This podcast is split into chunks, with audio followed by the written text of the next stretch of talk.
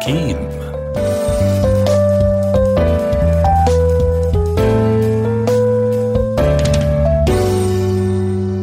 أهلا بكم مستمعين في هذه الحلقة الجديدة من البرنامج الأسبوعي حكيم على أثير راديو الكل. نبدأ معكم بآخر التطورات المتعلقة بفيروس كورونا حيث أعلن وزير الصحة الفيتنامي نجوين ثانا لونغ السبت اكتشاف نسخة جديدة من فيروس كورونا في البلاد وهي مزيج من السلالتين اللتين تم العثور عليهما لأول مرة في المملكة المتحدة والهند بحسب وكالة أسوشيتد بريس الأمريكية. وأضاف لونغ في تصريح صحفي أن الاختبارات المعملية تشير إلى أنه قد ينتشر بسهولة أكبر من سلالات الفيروس الأخرى. أكد مدير الفرع الأوروبي لمنظمة الصحة العالمية هانز كلوغا على ضرورة تسريع وتيرة التطعيم لوضع حد لوباء كوفيد-19 الذي طال أمده أكثر مما كان متوقعا.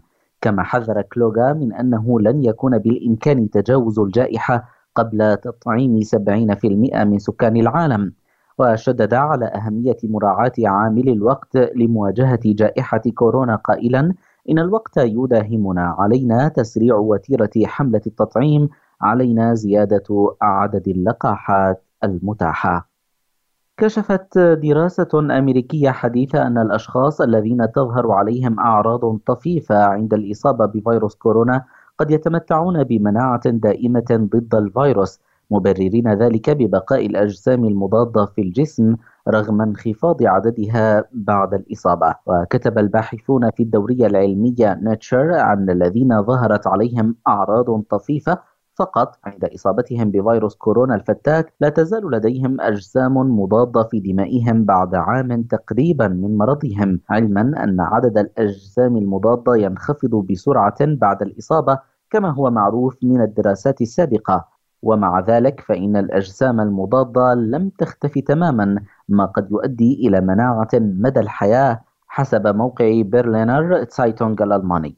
أيضا كشفت دراسة جديدة عن أن اللقاحات الحالية المضادة لفيروس كورونا توفر درجة من الحماية تصل إلى ما يقرب من 100% فيما يتعلق بالمرض الشديد أو نقل المصابين إلى المستشفيات أو الوفاة. كما أظهرت الدراسة التي أجراها باحثون في جامعة فلوريدا أن فعالية اللقاحات ضد الأمراض المرتبطة بالفيروس بلغت نحو 85% بعد دورة كاملة.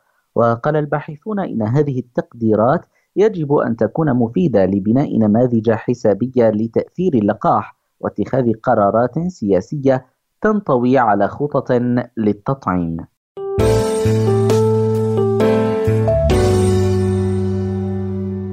يعرف الانزلاق الغضروفي بأنه بروز الأقراص الغضروفية الموجودة بين الفقرات المكونة للعمود الفقري والمسؤولة عن تقليل قوى الاحتكاك الناشئ بين الفقرات مما يسهل من انسيابية حركة العمود الفقري بشكل عام. هذه الأقراص الغضروفية البارزة تشكل ضغطا على جذور الأعصاب التي تتفرع من الحبل الشوكي، الأمر الذي يؤدي إلى أعراض عصبية عضلية. نتحدث اليوم مستمعين عن الانزلاق الغضروفي الفقري وأسبابه وأعراضه وتفاصيل أخرى لينضم إلينا الدكتور خليل المشعل استشاري في الأمراض أمراض العظام والمفاصل عبر الهاتف من تركيا. أهلا بك دكتور خليل. بداية لو حدثتنا ما هو الانزلاق الغضروفي وهل له أنواع؟ لو حدثتنا عنها. أهلا وسهلا فيك وكل مستمعي الكرام. ما شاء الله يعني تقريبا عرفت تعريف جيد لا باس فيه بالنسبة للانزلاق الغضروفي. هلا نحكي أول شيء عن بس شوية تشريح مشان المستمع الكريم يعرف شو عم يصير. هلا الفقرات بالأساس العمود الفقري يتشكل من 33 فقرة، هدول الفقرات ضمنهم في يعني بيناتهم يجي في شيء اسمه الحلقة الغضروفية أو حلقه اللي فيه. فائده هاي الحلقات اللي فيه أول شيء امتصاص الضغط وتمنع الاحتكاك بين الفقرات هاي الوظيفة الأساسية. هلا حضرتك حكيت الانزلاق الغضروفي هو عندما يتبارز جزء من هذا الغضروف باتجاه النخاع الشوكي بالتالي يصير ضغط على جذور الأعصاب. هاي هي المختصر الكلام. هلا بالنسبة للأنواع له عدة أنواع. قد يكون التبارز قد يكون تنكسي نتيجة العمر قد يكون رضي نتيجة حادث سير أو سقوط من شاهق أو طلق ناري أو شيء أو نتيجة ضعف العضلات كما هو عند الحوامل. هاي أشهر الأسباب أو أشهر الأنواع تبعته. أو ممكن يكون نتيجة يعني سوء بشكل العمود القطني اللي هي مثلا الجنف أو الحدب أو البروز للأمام. نعم. آه، لو حدثنا بشكل موسع آه، دكتور خليل عن الأسباب وفيما إذا كان يؤدي اعوجاج العمود الفقري إلى انزلاق غضروفي أسفل الظهر. تمام تمام. هلا بالنسبة للانزلاق الغضروفي ممكن يصيب أي فقرة ولكن الأشع حسب الخبرة وحسب العالم هي الأشع هو الانزلاق الغضروفي بالفقرات القطنية يعني بين قوسين أسفل الظهر. هلا أهم أسباب الانزلاق الغضروفي في له عدة أسباب فينا نختصرهم بالأشع اللي هي التقدم بالسن التقدم بالعمر. ليش؟ لأنه الموضوع كل ما تقدم الإنسان بالعمر العضلات تضعف وبالتالي يكون المريض غير قادر على السيطرة على الغضاريف. هاي واحد. الثاني إصابة إصابة أو التواء من نتيجة حركة خاطئة نتيجة مثلا رض مباشر. الشغله الثالثه رفع جسم ثقيل. ممكن كثير هاي نساء المنازل أو الشباب نتيجة الأعمال المنزلية الكثيرة أو الأعمال اللي تتطلب جهد أي الحداد النجار أو أي مهني. فنتيجة حركة مفاجأة ممكن يتبارز الغضروف للأمام أو ينزلق ويضغط على الجذور العصبية، الحركات الخاطئة ممكن تكون أنت بالبيت عم تعمل أي حركة فجأة مباشرة تكون العضلة متشنجة أو مرتخية كمان يتبارز. في كمان يعني بين قوسين نسبة قليلة بس موجودة هي ضعف العضلات عند الحوامل. ممكن تساهم بتشكل الإصابة يعني مو هي بتعمل ولكن عند لما تكون في أرضية عند الحامل إنه ينزلق الغضروف الحمل يزيد نسبة هاي نتيجة يعني عضلات البطن تكون مشدودة وعضلات الظهر تكون مرتخية هذا له دور كبير كمان. نعم. ما هي الأعراض التي تظهر ومتى تجب زيارة الطبيب دكتور؟ تمام هلا بالنسبة للأعراض هاي تختلف حسب درجة الانزلاق. هلا في انزلاق درجة بسيطة في متوسطة في شديدة. هلا الأعراض البسيطة أهم شيء هو الألم. عند بالمنطقة المصابه والألم يزداد عند الحركات الخاطئة. هلأ ننتقل للخطوة الثانية فينا نسرد بعض يعني أهم الأعراض، أول شيء الألم مثل ما حكينا، بعدين في الوخز والتنميل على جانبي العمود القطني وممكن ينزل للوجه الخلفي للفخذين أو حتى الوجه الجانبي للفخذين، بعدين صعوبة الوقوف والجلوس نتيجة الألم، يعني تلاقي المريض لما بده يوقف أو بده يقعد راح يقول لك مثلا أنا عم بحس بصعوبة أثناء القيام، في بعض الأوقات ألم حاد ومفاجئ نتيجة قيام بحركة مفاجئة، يعني يكون المريض قاعد على كرسي بده يوقف مباشرة تحس لمع ظهره يقول لك أنا صار في عندي ألم شديد، في بعض الأعراض تكون مميزة شوي اللي هي مثلا برودي وفقدان إحساس كمان بالجزء الخلفي من الفخذين، هذا كمان يكون الإصابة متطورة إلى حد ما، آخر شيء ممكن يكون في ألم أسفل الظهر يعني عند العطاس، عند السعال، هذا بيكون له دور كبير بالألم، فهدول مجمل الأعراض اللي بيصير عند المريض. هلأ إمتى المريض لازم يراجع الطبيب؟ عند تفاقم الاصابه يعني هلا مو كل ألم أسفل الظهر يحتاج مراجعة الطبيب إحنا نقول عند ترقي الاصابه مثلا أنت وجعك ظهرك نتيجة حركة معينة انت مثلا أريح حالك تأخذ أي مسكن متواجد خفيف ما في مشكلة ولكن عند بقاء الألم واستمراره وحتى مع الراحة هون بدك تراجع الطبيب ولو كنترول بس مشان يشيك عليك ويحط النقاط على الحروف. نعم، بالنسبة لأساليب الوقاية دكتور بعدم الإصابة لو حدثتنا عنها أيضا. تمام.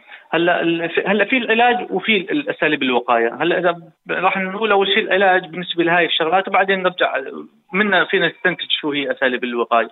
بالنسبة للعلاج أهم شيء هي تغيير عادات اليومية، يعني طبعا إذا في مجال الواحد يغير المهني طبعا هاي من الصعوبة بمكان ولكن نحن نقول إذا في مجال يغير لأنه الصحه رقم واحد، فتغيير العادات اليومية، آه القيام ببعض التمارين اللي هي مثلا مشان تقوية عضلات أسفل الظهر سواء يتبع بنادي أو يعني بعض الحركات ضمن المنزل هاي متوافره جدا باليوتيوب، بعدين تجنب رفع الأوزان وهاي من يعني تحت يعني خط أحمر كبير إنه أهم شيء من المريض صار عنده انزلاق غضروفي بده يتجنب رفع الأوزان الثقيلة لأنه هذا العدو الأول لأسفل الظهر. بعدين آه في علاج لما يصير في آه إحنا نسميه العلاج بالنمط العكسي اللي هو الثلج يحط ثلج على المكان ويرجع يحط حرارة مشان نحفز الأعصاب المضغوطة. في النشاط آه الدائم لتجنب التنكس هل حكينا عليه من شوي. يعني المريض اللي بده يقوم ببعض الحركات راح يكون في ضعف بالعضلات فهو يتجنب يعمل هاي الحركات. نحن نقول له لا لازم تتحرك. لازم المريض يتم نشيط مشان ما تضمر العضلات بالمقابل. من الأساليب كمان هاي بشكل عام العلاج العلاج بالتغيير العادات اليومية.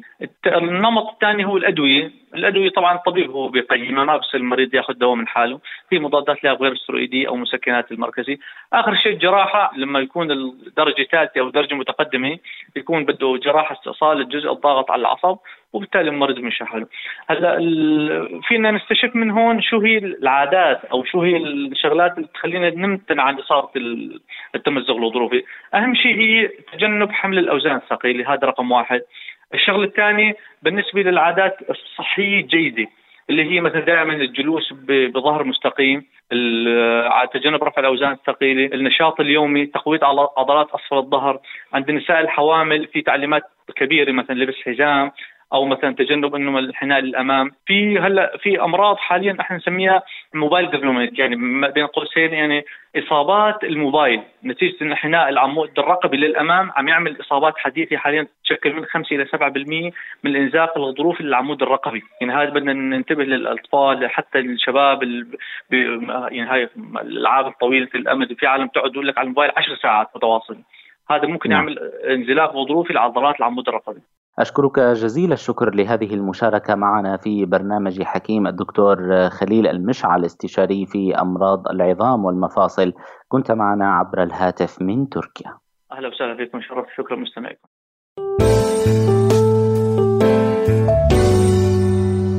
يتسبب انقطاع الدعم عن مركز الناجية الصحي غربي إدلب بالعديد من المشكلات والصعوبات على أهالي القرية والقرى المجاورة. نستمع للتفاصيل في هذا التقرير ونعود لنتابع معكم في هذا الموضوع. يشهد مركز قرية الناجية الصحي غربي إدلب انعداما في الدعم المقدم له ما يشكل عبئا على الكادر الطبي العامل فيه بالإضافة للمرضى. ويتحدث أهال التقاهم راديو الكل في القرية عن الصعوبات التي يعانون منها جراء انقطاع الدعم عن المركز مناشدين الجهات المعنية بتقديم الدعم له. سابقا كنا نتعذب كثير بتأمين الأدوية لأن كانت أقرب نقطة طبية بعيدة علينا شي 10 كيلومتر. بس بعد تفعيل المركز الصحي صرنا ما نحتاج شيء بخصوص الأدوية خارج القرية. بس للأسف في الفترة الأخيرة صار في نقص كثير بالأدوية ورجعنا على نفس المشكلة القديمة. نتمنى يتم دعم دعم المستوصف حتى تخف معاناة الناس في القرية. بنعاني هون بالقرية؟ بنقص آه، كبير للادويه في المركز الصحي الموجود في القريه، أي وصفه طبيه أو أي روحه عند أي دكتور بتكلف مبالغ والناس الموجودة ما مع المبلغ أو ربع المبلغ اللي تدفعه. نتمنى نحن من أي منظمة أو أي واحد داعم يدعم هالمركز الطبي الموجود عندنا ونحن هون أقرب مركز طبي لنا بعيد عن المنطقة تقريبا 10 15 كيلومتر. وأي واحد بده يطلع من القرية مثلا لأي مركز طبي قريب عليه بده سيارة وسيارات هون قليلة بده يحط طلب سيارة. في الآونة الأخيرة شهدنا قلة بالأدوية التي كانت تأتي من قبل أهالي الخير وكان أطباء اتراك يأتون إلى المستوصف لمعالجة المرضى اسبوعيا طبعا ولكنهم انقطعوا منذ شهرين. والجدير بالذكر آه، أنه لا يوجد أي دعم للمركز من أي جهة وعمله بجهود آه، أهالي القرية المتطوعين من ذوي الخبرات. الممرض نور الدين يوسف العامل في مركز الناجية الصحية تحدث لراديو الكل عن أبرز المشكلات التي يعانون منها في المركز وأهميته بالنسبة لقرية الناجية والقرى المجاورة. بدأنا العمل في المركز منذ ثمانية أشهر بشكل تطوعي ولم نتلقى أي دعم من أي منظمة أو جهة. ونحن نواجه الكثير من المشاكل من حيث الرواتب للكادر وأجور النقل والمواد المعقمة والمنظفات والأدوية والمواد الطبية بشكل عام علما أن هذا المركز يقدم الرعاية الصحية والإسعافات الأولية والأدوية المجانية لأكثر من 450 عائلة من القرية والقرى المجاورة. كما أن المركز يوجد به طبيب, طبيب عام وقابلة قانونية فهذا المركز مهم جدا بالنسبة لأهالي القرية والقرى المجاورة. ولم يتلقى مركز الناجية الصحي الدعم منذ تفعيله قبل سبعة أشهر ما يجعله مهددا بالإغلاق ومضطرا لإيقاف تقديم خدماته للناجية والقرى المحيطة بها.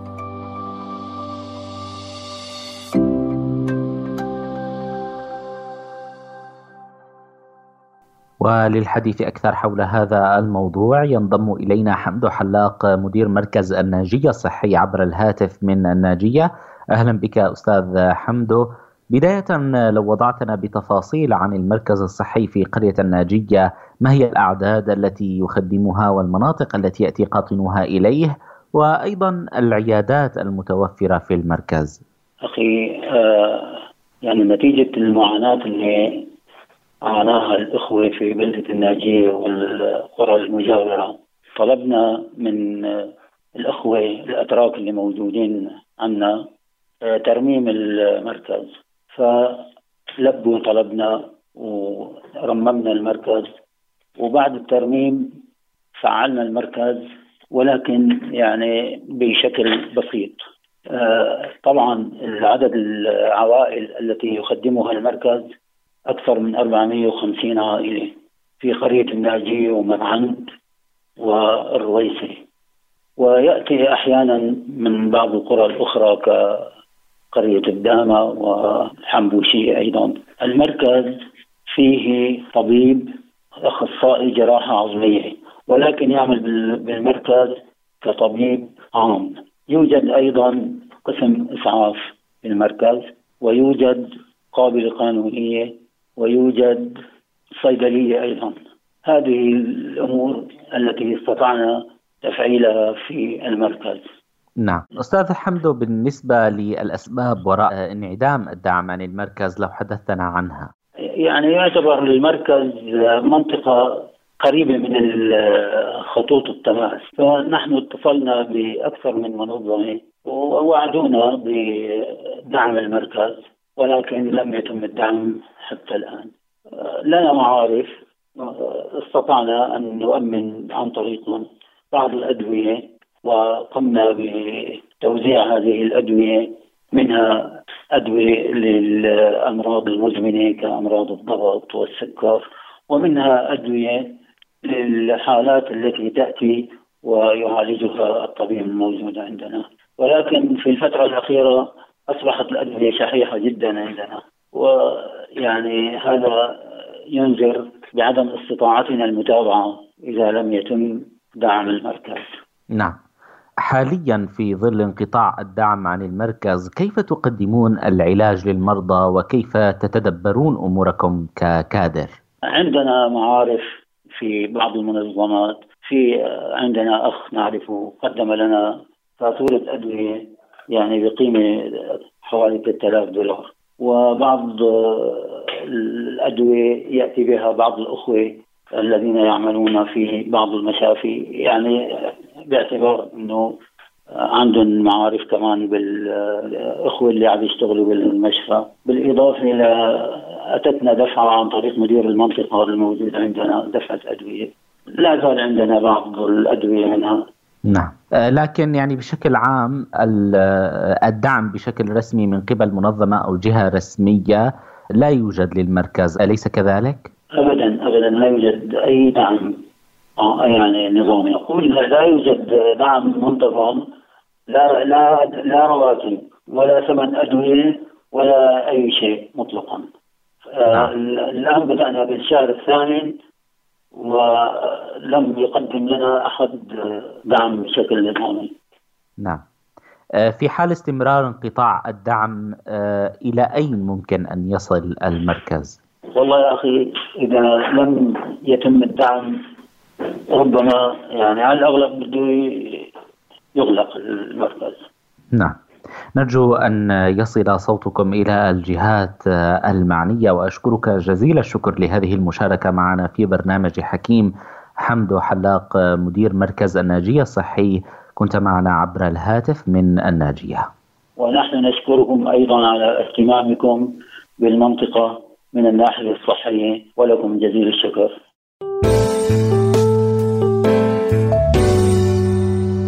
يحتوي جسم الإنسان على 60% من الماء تقريبا أي ما يعادل ثلثي وزن الشخص وهو عنصر مهم لتعزيز وظائف أجهزة الجسم والعمليات الحيوية.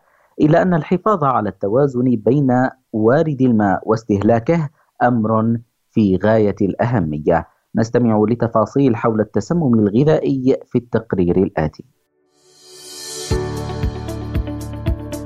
يعتبر الماء الوسيلة الأكثر فعالية في تخليص الجسم من السموم والفضلات كما يساعد على ترطيب الجسم وتحسين وظائف الدماغ وعمله بشكل سليم. وله دور أيضا في تنظيم درجة حرارة الجسم وتحسين عملية الهضم ومرونة المفاصل. ولكن هل تعلم أن المبالغة في شرب المياه قد تسبب ما يعرف بالتسمم المائي؟ وعرف الطبيب العام ياسر العمر التسمم المائي لراديو الكل بأنه اضطراب عمل المخ نتيجة اختلال توازن الشوارد في الجسم نتيجة للاستهلاك الزائد للماء. التسمم المائي كتعريف هو اضطراب عمل المخ الذي قد يؤدي إلى الوفاة وذلك عندما يختل توازن الشوارد في الجسم أو الكهرليات في الجسم عن الحد الطبيعي وذلك نتيجة الاستهلاك المفرط للماء. إذا شوارد الدم صوديوم بوتاسيوم على رأسها عندما يختل توازنها في الجسم عن الحد الطبيعي أو وجودها عندما يختل عن الحد الطبيعي فيحدث ما يسمى التسمم المائي وهذا عادة يحدث عند استهلاك أو شرب كمية كبيرة من الماء. أما عن أعراض التسمم المائي فقال الدكتور العمر لراديو الكل أعراض التسمم المائي كثيرة وهي ناجمة عن اضطراب في عمل المخ نتيجة زيادة كمية السوائل الداخلة إلى الخلايا الدماغية. إذا الأعراض مرتبطة بتشوه أو سوء أو اضطراب عمل آه، الخلايا الدماغية. فالأعراض تختلف تبدأ بصداع وارتباك وحيرة عند المريض. وقد آه، نشاهد الغثيان والتقيؤ والتقيؤ. وهناك أعراض آه، أخرى كالهلوسات. والتصرفات غير المنطقية. وقد نرى رجفان في العضلات. كما آه، يمكن أن يشعر المريض أو المصاب آه، بالألم في أنحاء جسمه خاصة في عضلات الجسم. ويشعر بالتعب وقد يشعر في صعوبة أو لا يشعر يحدث حقيقة صعوبة في التنفس. إضافة إلى التبول بغزارة بكميات كبيرة جدا وضغط الدم في هذه الحالة قد يرتفع وقد ينخفض. يعني هناك اضطراب في ضغط الدم بين ارتفاع وهبوط في هذه الحالة. كما يحدث اضطراب في نظم القلب تسرع أو خوارج انقباض أو بطء في عمل القلب. في ضربات أو نظم القلب. هناك أعراض عينية كتشوه تشوش الرؤية. وأخيرا قد يحدث الغياب عن الوعي وفي الحالات السيئة أو الأسوأ أو قد يحدث الموت. وأكد الدكتور أن هناك حالات خفيفة من التسمم المائي لا تتجاوز زيادة كمية التبول والمعاناة من الارتباك والقلق. وهناك حالات صعبة تحدث اضطرابا في عمل القلب وصعوبة في التنفس. وهناك حالات تصل لحد الغياب عن الوعي أو الوفاة الناتجة عن تثبط عمل القلب.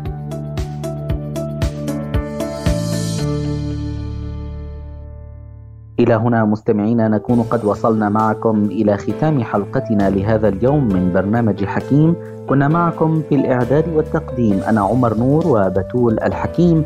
أطيب التحيات لكم دمتم بعافية وخير وإلى اللقاء.